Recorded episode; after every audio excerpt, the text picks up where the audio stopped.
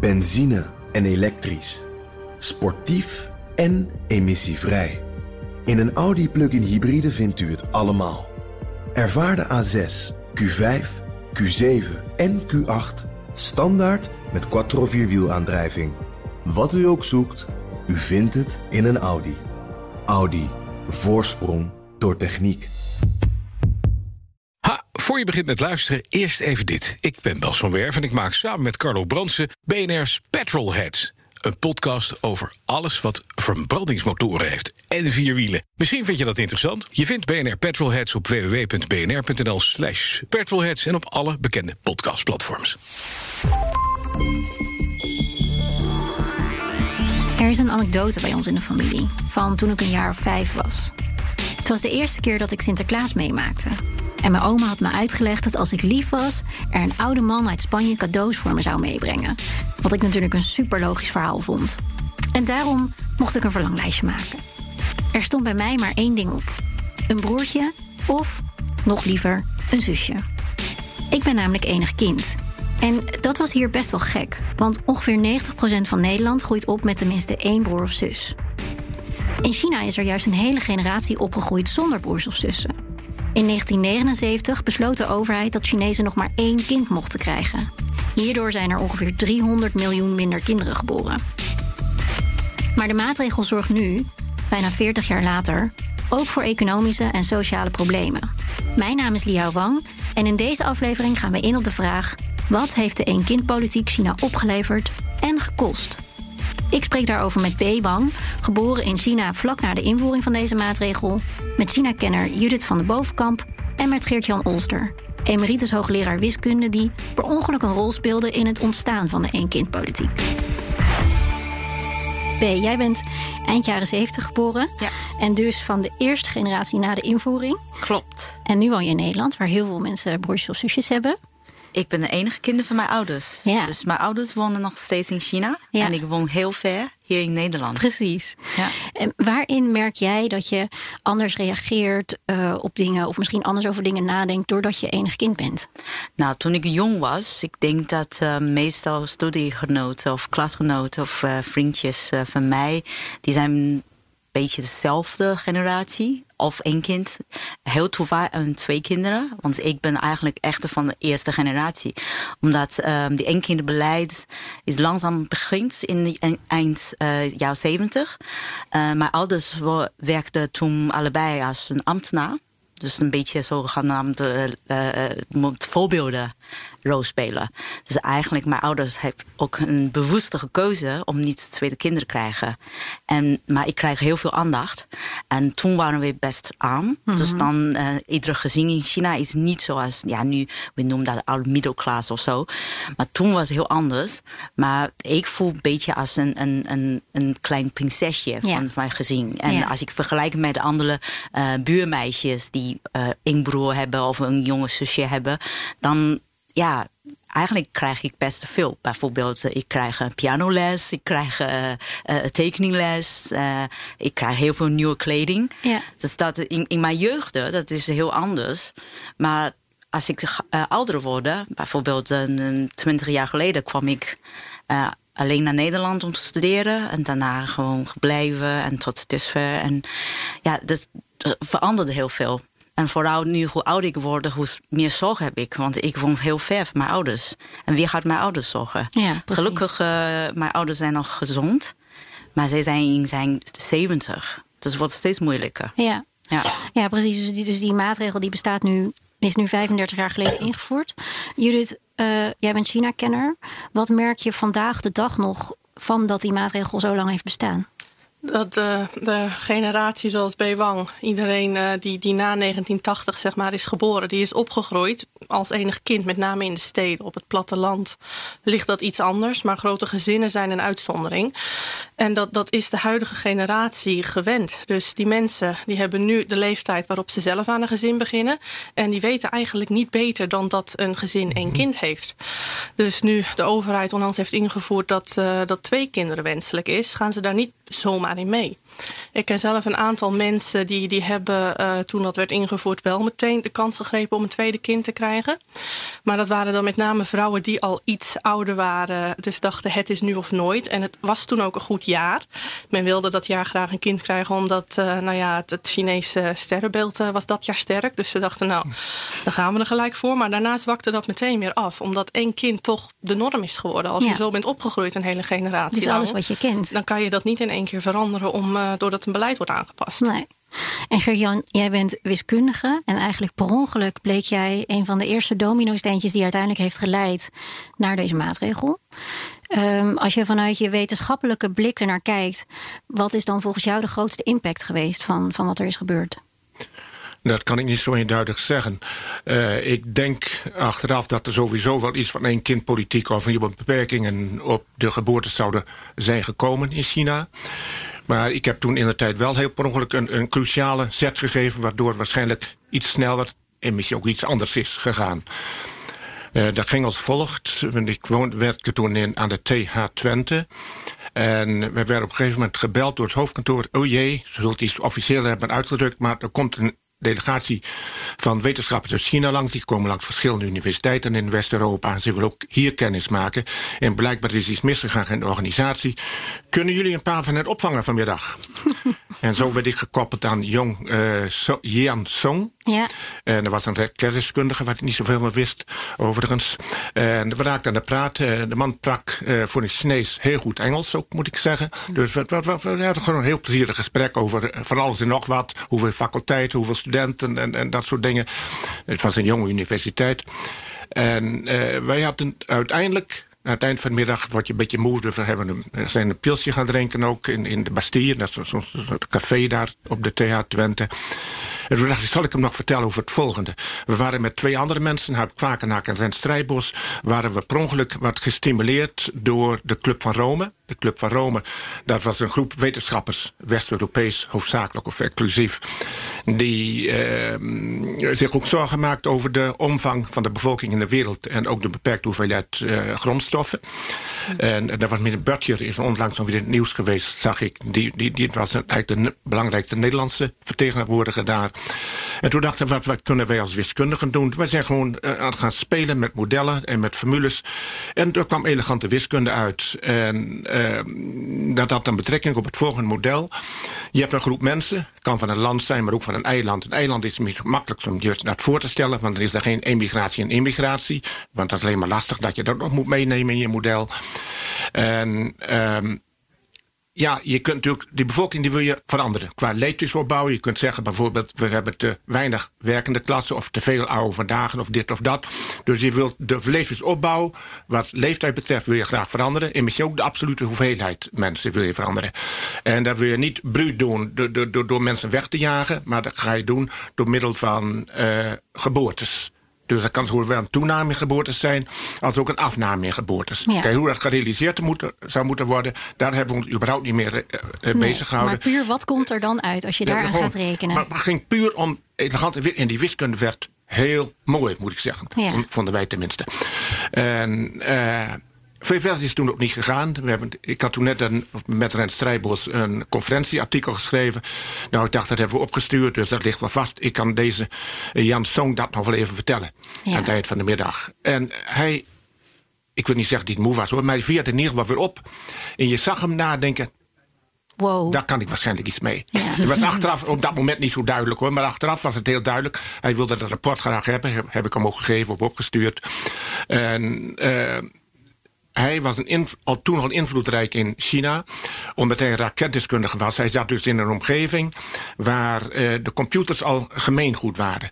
Terwijl bij demografen en sociologen die deden dat veel meer met een potloodje nog. Dus je kon ook indruk maken op de uh, politici met officiële grafieken die echt uitgeprint waren. Ja, ja. En uh, ik denk dat, en hij was sowieso een slimme man natuurlijk. En, dus of het helemaal uit Chicago komt, weet ik niet. Maar dit is het begin geweest, voor zover ik weet, van die één-kind-politiek in China. Hij is ermee begonnen. Misschien ook niet direct met één kind, maar vrij snel kwam er één-kind-politiek uit. En dat, dat was uh, was me ook helemaal niet duidelijk in het begin. Dat is eigenlijk eerst in 2008 dat ik begrepen heb wat voor impact deze man gehad heeft. Nou, fascinerend. En daar gaan we zo ook nog uitgebreid op in. Uh, misschien even terug naar. Uh, B, jij vertelde net al toen jij klein was. Ja. aan de ene kant was je enig kind, kreeg je superveel aandacht. Je werd ook omringd door mensen bij wie dat niet altijd zo was. Mhm. kun je wat meer vertellen over hoe, hoe die invoering toen ging? Hoe je dat hebt ervaren? Ja, ik denk dat uh, als ik kijk naar mijn jeugd, vooral in de jaren 80, uh, dan ik denk dat dat was de de tijd dat beleiden was echt gewoon um, in, in de hele uh, Chinese uh, maatschappij. En um, toen, ik denk dat er zijn zoveel uh, propaganda campagne wordt uitgevoerd in, in de steden. En ik weet nog dat op zo, we hebben heel bekend nieuwjaarsgala. Uh, dat in elke Chinese nieuwjaar, dan heb je een grote gala. Dan heb je altijd een show, een act. En toen was een aantal acten wat heel uh, populair. Die gaat om uh, bijvoorbeeld mensen in het platteland die proberen meer kinderen te krijgen. Die gewoon altijd om, om proberen weg van de. Van de hoe zou je dat noemen? die. Um, ja, die proberen gewoon eh, zichzelf uh, uh, verborgen, omdat die willen niet opgepakt worden. Dus, mijn, mijn moeder werkte in de staatsmedia. Dus sowieso, zij had een, een voorbeeldenrol gespeeld. Dat zij hij heeft zelf uh, bewust gekozen dat één kind krijgen. Maar in de hele media, in radio, in televisie, je hebt continu al die een soort van tv-shows en alles. Dat, een, een soort van, dat is wordt gewoon beeldvorming. Zoals Judith net vertelt. Dat, ik ben gewoon zo gewend dat iedereen uh, is van een, een, een één kind gezien. Ja, dus jij zag overal om je heen in de media, in toneelstukken, zag je allemaal gezinnen met één kind werden er eigenlijk weer. Ik weet nog dat toen we klein was, we maken ook een grapje. Dat als gezien die met twee kinderen, dus vaker is uh, mijn klasgenoot is de jonge kinderen.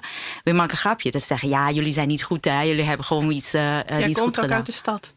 Ik, uh, Nanjing. Ja, ja. ja is een grote ja, staat. Is het enorm. Ja. ja. Want Hoe, hoe was dat breder over China? Was dat een soort grote propagandamachine overal? Of hoe, hoe werd dat ingevoerd? Ja, dat, dat kwam al langzaam in de jaren zeventig dat men naar een vorm van, van geboortebeperking of bevolkings. Uh, ja, hoe zeg je dat?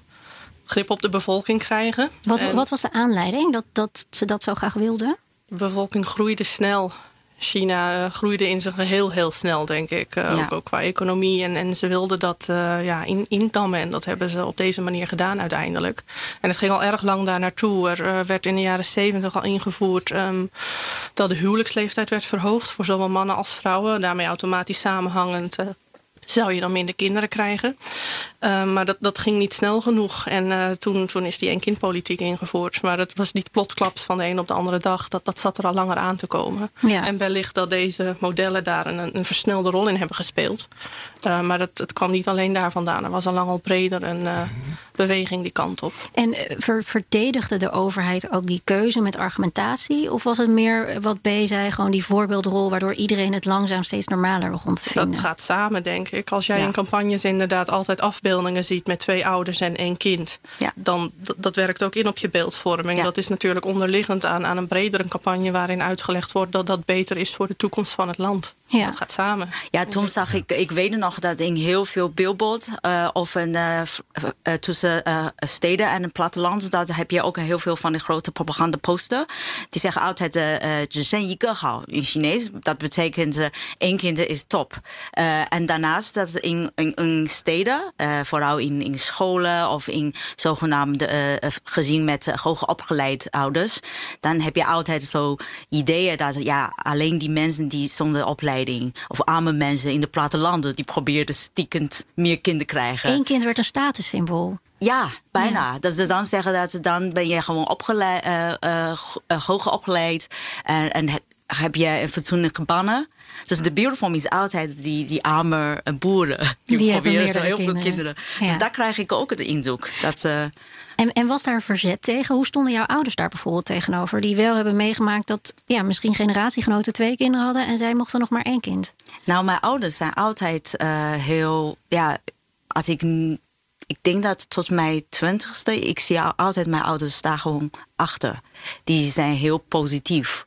Want mijn ouders zijn, zij zijn, hebben ook een uh, cultural illusie meegemaakt. Dus steeds gauw best laat. Dus mijn moeder heeft mij gekregen toen zij 30 was. Dus zij vinden ze gewoon, dat is gewoon heel haalbaar en, en echt ook goed. En zij zeggen altijd, ja, we willen alle focussen aan jou. En dat is ook een andere uh, uh, soort van lifestyle in China geworden. Dat mm. de enige kind, we, wordt, we zijn de hoop van de hele gezin. Ja. Dus alles gaat aan één kind. Dus we moeten gewoon goede cijfer krijgen. We goed gaan leren. En we moeten gewoon, uh, wanneer we af gaan studeren, dan moeten we alles doen voor onze, onze vaderland. Ja. Dat soort ideeën. Ja. En was dat normaal dat, er, dat iedereen er eigenlijk wel in meeging en dat er geen verzet was? Of was dat op andere plekken misschien anders? Er zal wel verzet geweest zijn, natuurlijk. Als mensen, ja, het leven gaat zijn gang. Mensen worden tweede, derde keer zwanger. Um, het, het, gaat natuurlijk niet zonder slag of stoot. Maar ik, ik denk wel dat, dat men er begrip voor had. Dit is misschien niet beter voor ons als gezin. Want ik zou graag een jongen en een meisje willen bijvoorbeeld. Maar het is wel beter voor de maatschappij. Anders zou de overheid dit nu niet op deze manier uitrollen. En ik denk, jouw ervaringen zijn natuurlijk heel erg gericht op de stad. Op het platteland was dat natuurlijk wel iets anders. Ja. Daar was implementeren ook een stuk lastiger. Als je in de stad woonde bijvoorbeeld. Um, jouw ouders hadden een, een, een hoge positie, een mooie baan. Als zij een tweede kind gekregen zouden hebben, waren ze die baan waarschijnlijk kwijtgeraakt. Ja. Dat, dat is een hele grote stok achter de deur. Ja. Met name omdat in China, samenhangend met een baan, heb je pensioen, uh, ziektekostenverzekering, dat soort dingen. Als je dat allemaal kwijtraakt, hoe voed je een gezin met meer kinderen dan op? Hoe kun je dat, die last dan dragen? Op het platteland was dat natuurlijk heel anders. Ja, ja want wat, wat waren de, de handhavingsmaatregelen of de straffen die erop stonden als je wel meerdere kinderen had? Een geldboete. Uh, en, en ja, men, men dwong natuurlijk ook wel aan op abortus. Of, uh, ja, ook die uh, huko. Huko, dat is ja. de, zeg maar, de, de, de, de uh, jouw, jouw, ja, ja. ja. En de tweede kinderen vaker, dat dan, we noemen dat heel huko. Dat is dan, krijg je een zwart uh, Kon je niet worden geregistreerd. Dus dan ben je niet een, een, een ja, een, je hebt geen status, je hebt, je hebt geen eigen idee, identiteit. Ja. Kan het ook zo zijn dat hoe de hiërarchie die waarschijnlijk in China nog duidelijker aanwezig is dan hier. Uh, dat men zegt, de regering of de leider zegt... dit is goed voor ons en dat wordt geaccepteerd. Ja. Ik denk dat, dat dat gevoel dat er veel duidelijker aanwezig is in China... dan bij ons in West-Europa. Ja, want toen jij uh, Song Jan ontmoette... wat nou, hij was duidelijk intelligent en hij was raketgeleerde en hij was invloedrijk. Wat voor, wat voor type man vond jij dat? Iemand die zo belangrijk was voor de partij op dat moment? Ik wist natuurlijk de eerste keer helemaal niet dat hij belangrijk was. Dat hoor je achteraf. uh, Had je echt geen idee toen je nee, hem die... Nee, het was gewoon een collega, uh, zei het in een ander vakgebied, uh, wetenschapper. En ik ben daarna ook nog een aantal keren tegengekomen op conferenties. Maar goed, dat is een boel van mijn collega's. Je gaat een soort wetenschappelijke familie ga je in de loop van de tijd vormen. En je wisselt ideeën uit en je, drinkt een, een, wijntje met elkaar. Dus uh, we waren eigenlijk, jouw vriendje zit wat te sterk uitgedrukt. Maar toch, je respecteert elkaar. Je zit elkaar niet in de haren omdat je niet voor dezelfde baan solliciteert. Omdat je allemaal in verschillende landen woont. Dus het is heel zo'n omgeving is bij zo'n conferentie is heel ontspannen. Ja, goede, goede vakgenoten uh, met respect voor elkaar. De, de, ik heb uh, Jan Song nog een paar keer daarna ontmoet. Ook gewoon conferenties. En we waren altijd vriendelijk voor elkaar. Wel, wel zo, was wel zo. Nee, dat moet ik gewoon zeggen. Hij kwam, op een gegeven moment kwam hij tevoorschijn, daar was hij er trots op. Met zijn paspoort, dat was een diplomatiek paspoort geworden. Hm. Ik weet niet meer, dat was in begin jaren tachtig. En daar was hij ook trots op. Daar mag hij misschien ook wel trots op zijn. en uh, dat liet hij in ieder geval zien. Nou ja, goed, hij, hij bewees zich ook de kant van de politiek op. En dat, was dat toen jij voor het eerst realiseerde: hé, hey, dit is, dit, deze man is misschien meer dan gewoon een raketgeleerde? Of nou ja, er zijn wel meer mensen natuurlijk die de, de politiek in gaan. Jo Rits is de politiek in gegaan. En die meneer van de PvdA, hoe heet die ook alweer? Uh, die ook minister van Onderwijs geweest is hier. Die ook. Uh, natuurkundige was, een bekende. uh, nou kan ik even niet op de naam komen. Maar er zijn wel meer mensen die eerst wetenschappelijk zich uh, profileren... en naar de politiek ingaan. Dus zo was deze meneer ging ook die, uh, niet dat ik daar direct iets van dacht. Nee. En uh, je hebt in de loop der jaren nog contact met hem gehouden? Uh, als ik nou, gewoon loop als we elkaar tegenkwamen. Ook één keer, ik geloof dat het 86 was, 1986. Toen hebben we een conferentie georganiseerd. Hij heeft lokale werk gedaan. Ik zat in de International uh, Program Committee. En uh, dat was in Beijing. Maar hij heeft het lokale werk gedaan. En dat ging niet over een kindpolitiek. Het ging over een heel ander onderwerp. Over speltheorie, dynamic game theory. En ja, dan moeten we elkaar weer. En, en ja, je praat gewoon met elkaar. En heeft hij daar ooit wel eens wat over verteld? Over waar hij mee bezig was in China of waar hij misschien tegenaan Nou, liep? hij vond het ook leuk. Hij heeft zelfs een, ook een boek geschreven. Heeft hij mij waarschijnlijk toen aangeboden. Met een opdracht voor mij erin. Van de Dear Dr. Walser of zo. Pleasure Getting to Know You. Iets in die geest. En ik heb het trouwens bij me hoor. Maar, en, eh, ik dacht, hij is gewoon een wetenschapper die ook in die richting eh, eh, wat wiskunde bedrijft. Ja.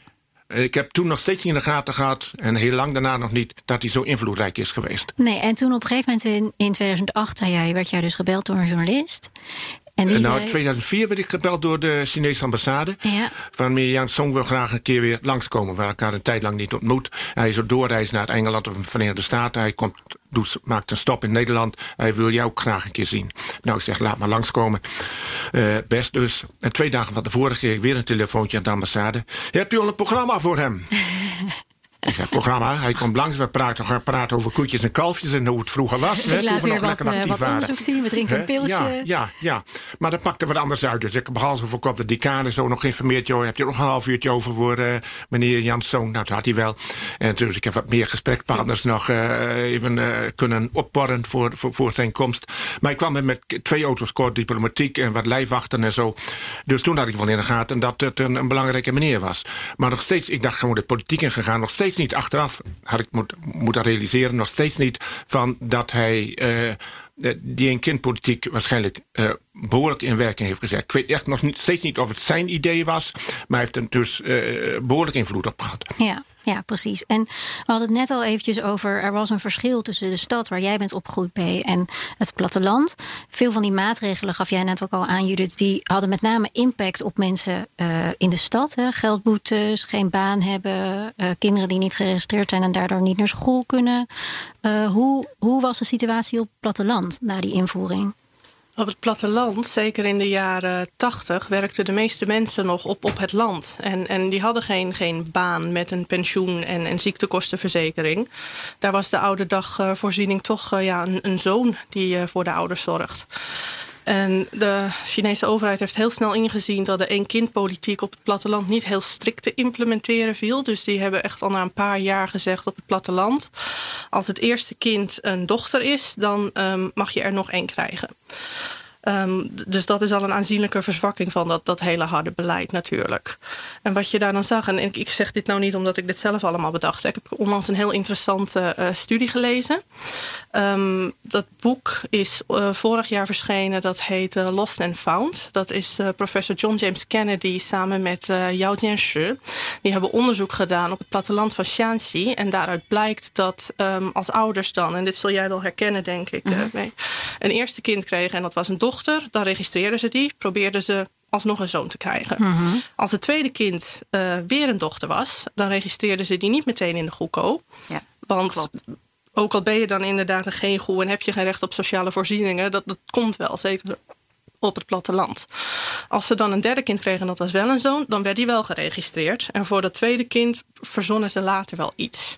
En, en wat was dat dan? Daar verzonnen ze later iets voor? Nou, er wordt nu heel uh, breed gedragen. Er zijn een heleboel, uh, vandaar ook de titel van die publicatie, de Missing Girls of, of Rural China. Een heleboel, uh, ja, een, een man-vrouw overschot, ja, ja, verschil. Veel meer mannen dan vrouwen. En ik denk dat dat oorzaakte ook een ander verhaal was. ik we, weet dat in de jaren negentig eind jaren negentig, ik was een, een, zeg maar, een volunteer, een tolk voor zo'n lokaal adoptiebureau. Mm.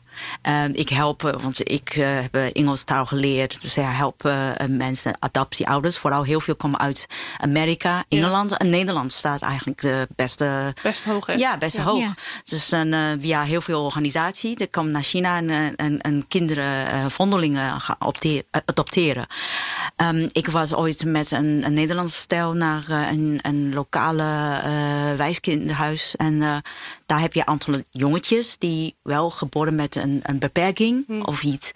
En dan zag ik toen heel veel meisjes. Zo. Ja, dus veel van die gezonde, gezonde meisjes. Dus veel van die meisjes zijn uh, Van naar de, adoptiebureaus gegaan. ja, maar sommige zijn van misschien ook niet geregistreerd, maar, maar zijn er wel. Ja, de, de, de algemeen geldende theorie is eigenlijk dat heel veel meisjes inderdaad ter adoptie zijn afgestaan. Mhm. Of, of Ja. infanticide, selectieve abortussen, eh, dat, dat soort dingen. En in die studie eh, tonen zij eigenlijk aan, eh, wat ik net al zei, tweede kind als de meisje is, wordt het wel geboren, maar niet geregistreerd. Op het platteland kun je een tweede zwangerschap veel beter verbergen dan in de stad. Ja. Heel veel bedrijven was het ook, uh, als een vrouw al een kind had gehad, kom iedere maand maar even aantonen dat je niet zwanger bent. Zeg maar, op het platteland is dat natuurlijk veel minder implementeerbaar. Dus het is daar veel makkelijker om off the radar een, een kind te krijgen. Ook omdat je er niet meteen een, een, een goeko nodig hebt uh, voor, uh, ja, dat heb je eigenlijk pas nodig als het kind naar school gaat. Dan moet je aan kunnen tonen wat, wat het ID-nummer is waar iemand geregistreerd ja. staat. En wat zij aantonen is, in de bevolkingsstatistieken zie je um, als meisjes de schoolgaande leeftijd bereiken of de huwbare leeftijd en ze dus echt die registratie nodig hebben, dat er dan ineens een toename is van het aantal vrouwelijke geboorten. Ah. Dus ouders gingen dan vaak sparen om de boete te betalen, zodat ze als het kind zes was en naar school moest of ging trouwen, die registratie rond konden krijgen. Dus ergens doken ze wel weer op, alleen niet meteen bij de geboorte. Nee, en ik heb zelf, uh, nou, toen ik uh, twintig was of zo, toen wilde ik op zoek naar mijn roots en wilde ik gaan rondreizen door uh, rural China. En toen heeft mijn moeder tegen mij gezegd: Nou, je moet dus net niet, jij bent een meisje, je ziet er Chinees uit, jij moet niet in je eentje gaan rondreizen door de Chinese dorpen, want daar is een gebrek aan vrouwen. En wie weet wat je en daarover. Je. Ja, nou, is dat zeg maar paranoïde of was dat echt een ding? Of hoe? Nou. Ja, ja, ik denk dat in, in, misschien dat nu is minder geworden, maar ik denk dat het of twintig jaar geleden of tien jaar geleden was ook in die uh, over mensenhandel. Dat, dat heeft wel. Dat ja, ja, heel veel Ja. mensenhandel. Dat is En, weer een eh, heel ander verhaal, maar ja. ja, dat, dat, Maar dat staat los van de is, eh, eenkindpolitiek en de verhouding uh, mannen-vrouwen. Eigenlijk wel, maar dat, was, uh, ja, dat, dat boogt wel dat het niet veilig is om alleen rond te reizen. Ja, precies. Nee, maar uh, over uh, platteland, ik denk dat die uitvoering van het beleid is, daar ligt ook aan van regio naar regio. Hmm. En we zien dat nu ook met, uh, met de epidemie in China, dat je hebt de centrale beleiden en dan in elke provincie een andere uitvoering. En toen ik heb wel een heel enge verhaal gehoord um, over die uh, geforceerd uh, abortus. Uh, ik weet nog dat toen ik net naar Nederland kwam en uh, dat. Dat was in 2000. En voor die tijd was er ook heel veel uh, zeg maar Chinese vluchtelingen. En ik heb ook Mm. gehoord dat ze, uh, sommige vluchtelingen uh, vragen aan met die reden dat ze zijn ook in China vanwege die eenkindbeleid dat ze wordt lokale mishandeld of zo. Met die reden. Ja. Dat hoor ik ook. Ja. Ik, ik denk dat ik weet het niet. Ik heb het nooit zelf uh, gezien of meegemaakt. Maar hoor ik wel af en toe zo incidenten Ja. van het platteland. Dus dat op het heel- platteland waren die, die boetes en die, en die regels waren wat moeilijker te handhaven. Ja. Waardoor er misschien naar extremere of meer. eh, Waardoor ze allereerst dat beleid daar meteen hebben losgelaten. Ja. Dus als de eerste meisje is, dan mag je nog een kind krijgen. Ja. En um, ik, ik denk ook dat het echt concreet uitvoeren van dat beleid ook, ook samenhangt met, met de politiek. Ze zullen aan moeten hebben tonen, oké, okay, uh, het blijft binnen de perken, binnen de perken de bevolking. En als, het, um, als men soms een tijdje wat, wat minder strikt implementeerde, waardoor er toch weer te veel mensen geboren Dan werden, er dan moest de zweep er weer over. En dan was de kans op uh, nou ja, gevonden worden en een, een gedwongen abortus groter dan uh, tijdens de periode waarin het wat minder strikt werd gehandhaafd. Ja. Hey, over, over roots gesproken. Uh, Martijn Roesing, heeft niks met roots te maken. Uh, redacteur buitenland van, of was of is dat nog steeds bij Trouw. Die heeft een boek geschreven over hoe, hoe China mij twee kinderen schonk. Dus die heeft twee meisjes geadopteerd. En die is na verloop van tijd... heeft hij geprobeerd de roots terug te vinden van die meisjes. Dat beschrijft hij ook in het boek. Maar dat is uiteindelijk niet gelukt. Nee. Oh. Nee, en Geert-Jan, ik was benieuwd, want ik heb wel eens gehoord dat de bevolkingspyramide van China, dat die er dus heel anders uitziet dan bij heel veel andere landen. Deels door de culturele revolutie en de hongersnoden. Vervolgens die één-kindpolitiek en dan ook nog een soort um, ongelijkheid tussen mannen en vrouwen. Of dat nou echt is of, of een registratiekwestie. Uh, als jij daar vanuit jouw wiskundige onderzoek naar kijkt, wat, wat zijn daar dan de implicaties van, denk je? Nou, kijk, ik, bedoel, het verschil tussen man en vrouw, dat is een culturele kwestie. Dus daar, heb ik überhaupt, kan ik verder in, als wiskundige niks over zeggen. Uh, wel natuurlijk wat de bevolkingsopbouw betreft. Kijk, stel dat je heel drastisch, eh, als theorie, hè, als, als extreem voorbeeld, want dan wordt het duidelijk. Je wilt heel drastisch de bevolking verminderen. Je zegt de komende 20 jaar geen baby's, geen kinderen. Dat is uh, duidelijk. Ja. Je, je realiseert het ook nog. Dan heb je op een gegeven moment, als deze klasse van niet-geborenen in de werkende leeftijd zou, zou komen. Dus dat je een heel gat hebt in de bewerkende klasse. Dus de economie kan dan niet meer ondersteund worden omdat er ontbreekt een, een, een ja. heleboel mensen die dan net krachtig in het leven hadden kunnen staan om die economie gaande te houden. Een extreme dus, vergrijzing. Dus je, je, je kunt niet te hard achteruit, ook niet te hard omhoog. Want te hard omhoog gaat, dan krijg je ineens te veel jonge kinderen. Die moeten allemaal weer door een kleinere werkende klasse onderhouden worden. Dus dat, hebben we ook, dat is ook een van de dingen in ons model. Dat we dus zeggen, de werkende klasse moet steeds wat voor experiment je ook uitdenkt in je hoofd. Maar de werkende klasse, zeggen alle mensen tussen 20 en 60 jaar, moeten steeds een minimaal percentage van de totale bevolking blijven uitmaken.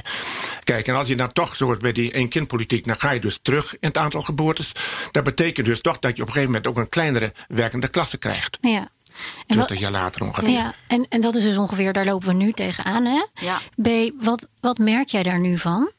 Ehm, hebben jullie de eh, film So Long My Song gezien? Dat is een eh, Nee. heel mooi film. Eh, ik vergeet, ik ben die naam van de regisseur vergeten. So Long My Song, die schijnt was ook een vorig jaar, eind vorig jaar in Nederlandse bioscoop. Eh, toen was mijn moeder ook in Nederland. Dus ik ben met mijn moeder eh, samen naar de bioscoop gegaan. En die film zelf gaat de, eh, verhaal over één kindbeleid. Dus de hoofdpersoon is een vrouw die heeft haar eigen kinderen verloren. Want ze, de, de jongen is in een verdronken. Dus toen hij tien was. Dus dan die gezin heeft een andere jongen geadopteerd. Maar die jongen was eigenlijk helemaal een beetje rebel. Die ging ook weg. Dus eind- uiteindelijk die zijn ook de, stel is gewoon met z'n tweeën. Dat is een gewoon heel triest le hele leven. En mijn moeder was in tranen, omdat die in, die in die film speelt ook een beetje het grote politieke, eh, sociale achtergrond ook erbij. Dus drie lange film, heel mooi. Die hebben gewoon een kleine eh, persoonlijk verhaal, maar ook een groot eh, verhaal erachter. Maar dat verhaal, de film zelf, ik denk dat het laten zien wat gebeurt in de afgelopen 30 jaar of 40 jaar in China. Want ik ken ook, ehm, want mijn moeders eh, vriendin, hebben aantal eh, mensen die heeft ook zijn kinderen verloren. Eh, dus mijn jeugd, buurjongen bijvoorbeeld, we spelen samen. maar hij is, was ziek geworden toen hij 30 was. Dus hij is overle- overleden. Ja. Dus dan hebben die ouders die, zonder kinderen. Hebben Geen niks meer. kleinkinderen. Geen, ook geen kleinkinderen. Nee. Dus nu heb je dit soort eh gezinnen. Dat is heel veel. En daarnaast is het een vergrijzing. Want mensen leven sowieso langer. En wat ik... Mijn persoonlijke ervaring is dat... Ja, ik praat heel veel met eh, andere Chinese vriendinnen van mij... die ook wonen in Nederland. Die toevallig ook eh, enig kind van de, van de ouders. En we zeggen, ja, dat, dat, wat gaan we doen? We moeten gewoon onze toekomende tien jaar gaan plannen. Want ik heb twee kinderen. En mijn gezinsleven is hier. Maar mijn ouders wonen daar. Ja. En er is ook geen sprake dat mijn ouders hier naar Nederland halen. Dus wat ga ik doen? Ja, hoe ga je die verantwoordelijkheid, ja, Ja. hoe ga je daarmee om? Ja, ja. Is dat een breder maatschappelijk probleem wat je in China ziet, Judith? Ja, dat geldt voor alle ene kinderen, denk ik. Niet alleen als ze zoals jij in het buitenland wonen, maar ook als ze binnen China in een andere stad wonen of werken. Dan moet je wel een heel goed eh, lokaal vangnet hebben.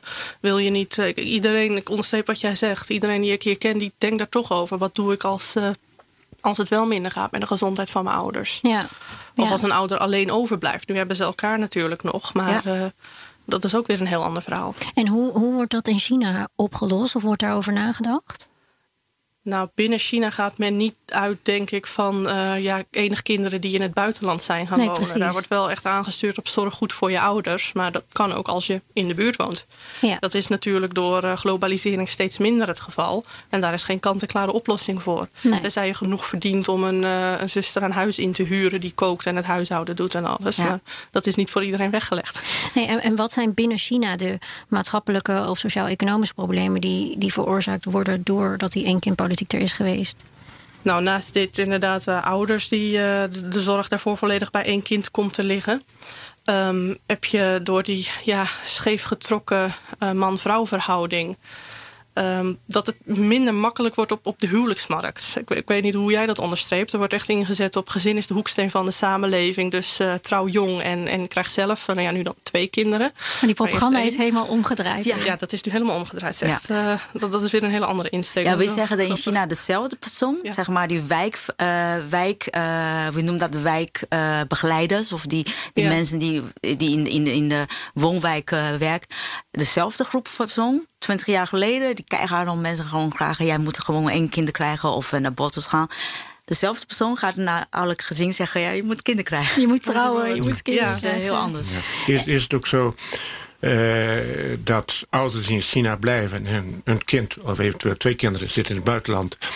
dat die kinderen, als ze een goede baan hebben... dat ze nog geld terugsturen naar die ouders... opdat ze hier een oude dag nog uh, redelijk kunnen rondkomen. Zoals bijvoorbeeld veel in Pakistan en Afghanistan gebeurt. Hè. Mensen die hier wonen, die sturen altijd geld. We denken, uh, ze hebben het hier al niet breed. Toch sturen ze nog steeds geld naar hun familieleden. Dat gebeurt nog heel veel. Uh, aan, tegelijkertijd we zien ook die discussie over een, ouderzorg in China. Is een, een, een echt hot topic in de laatste jaren. En we zien ook eigenlijk een delegatie vanuit China... die naar Nederland om wat van ja, uh, ouderenzorg uh, te leren. Daar zijn we hier heel sterk in. Ja, maar aan de andere kant, we, uh, als ik echt kijk naar wat gebeurt in China zelf, ik zie meer als een vastgoedontwikkeling. Want er wordt heel veel huis gebouwd.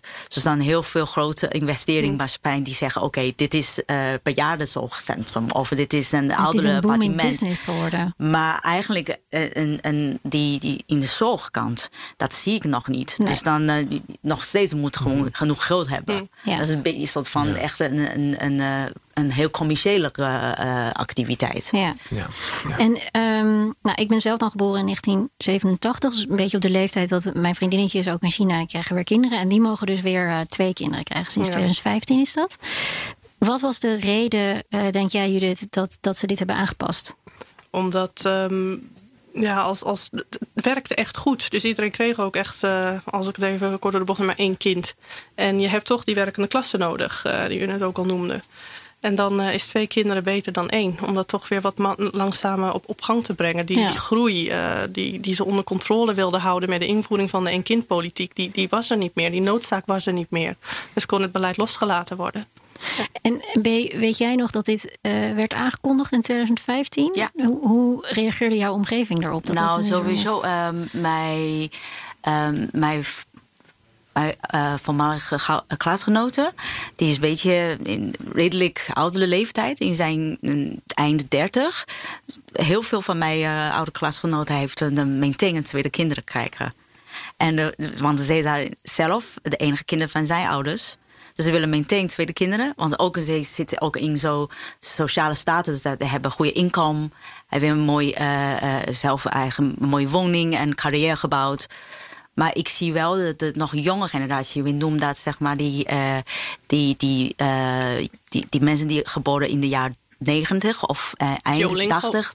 Jolingo, Pauwho. Ja. Um, die willen geen kinderen krijgen. Nee, ik herken dat heel erg. Mijn vriendinnen zeggen allemaal: Oh mijn god, hoe moet ik één kind uh, bekostigen klopt. in Shanghai zonder ruimte en ja. zonder geld? Laat staan twee. Ja, dus, klopt. Dat, dat, dat, krijg je als je een generatie lang ingesteld raakt op één kind. Dan is iedereen gewend dat wat jij ook al zei: ik krijg alles: pianoles, tekenles, uh, goed melkpoeder. Dat is ook ja. geen grap tegenwoordig in China. Alles van buitenland ja. gekocht. Ze ja. allemaal zo op ingesteld geraakt. Je, je vindt dat je je kind dat moet geven, dat wordt de standaard. Ja, als je dat dan in één keer voor een tweede kind ook moet bekostigen, dan moet je wel heel rijk zijn. Ja, ja. ja dus, dus die één-kindpolitiek, die is er 35 jaar geweest. Nu uh, wordt het wat losgelaten. Als we nu denken aan de komende 35 jaar, wat, wat gaat er, denken jullie, allemaal veranderen? Ik denk dat het niet heel snel gaat veranderen. Het heeft ook echt 35 jaar gekost voordat dit nu de mindset is. Ja. Dat kondig je niet met een nieuw beleid af dat het in één keer uh, 180 graden draait. Nee. In hoeverre merk jij dat het een discussie is? Dat mensen überhaupt erover praten van wil ik dat of hoe ga ik dat doen? Of... Ik denk dat 30 jaar geleden is China een redelijk gesloten samenleving. En uh, dan mensen denken een beetje oké, okay, wat, wat we vertelden, dan gaan we dat doen. En nu, als je kijkt naar de vrouwen, jonge generatie vrouwen, ja, zij zijn andere factoren die speelt. Niet alleen één kind, maar ook met de andere, zeg maar, uh, vrouwen, emancipatie en, en ook wat speelt in de hele wereld. Ik zie steeds minder vrouwen die willen gaan trouwen. en ook, ja, eerst willen, uh, ik zie wel met mensen die denken: oké, okay, ik wil wel een kind, maar ik hoef geen mannen. Dat, dat, dat zie ik ook. Dan, dan ik, ik ga een aantal vriend, uh, jonge uh, vriendinnen in zijn jonge leeftijd. Die komen naar, naar Europa en die gaan, okay, we gaan, uh, we gaan naar, de, naar de spermbank en, en krijgen een kind. Dan ben ik de, alleenstaande moeder. Ja. En dus die andere heel veel verschillende ideeën. En dan die dingen dat speelt allemaal de rol. Terwijl de Chinese centrale beleiden die eigenlijk pas Gaat niet daar meer... niet in mee? Nee. nee. Maar oh. zo'n een ouder gezin, dat kan ik me toch moeilijk voorstellen... omdat dat in ieder geval in onze maatschappij uh, moeizaam is. Ja. Economisch gezien en überhaupt. Ik, Kunnen eh, die kinderen wel een goedkoop krijgen zonder vader? Een goede vraag. Dat is Ik een denk vraag. het niet. Nee, in China Nee. sowieso niet. Maar, Nee, en, dat en, ik. dus Maar dat- heb je twee ouders nodig of heb je alleen een vader Een nodig? getrouwd stel. Een getrouwd man stel. en een vrouw. Dus dat is ook iets waar het beleid eh, flexibel zou kunnen worden. Ja.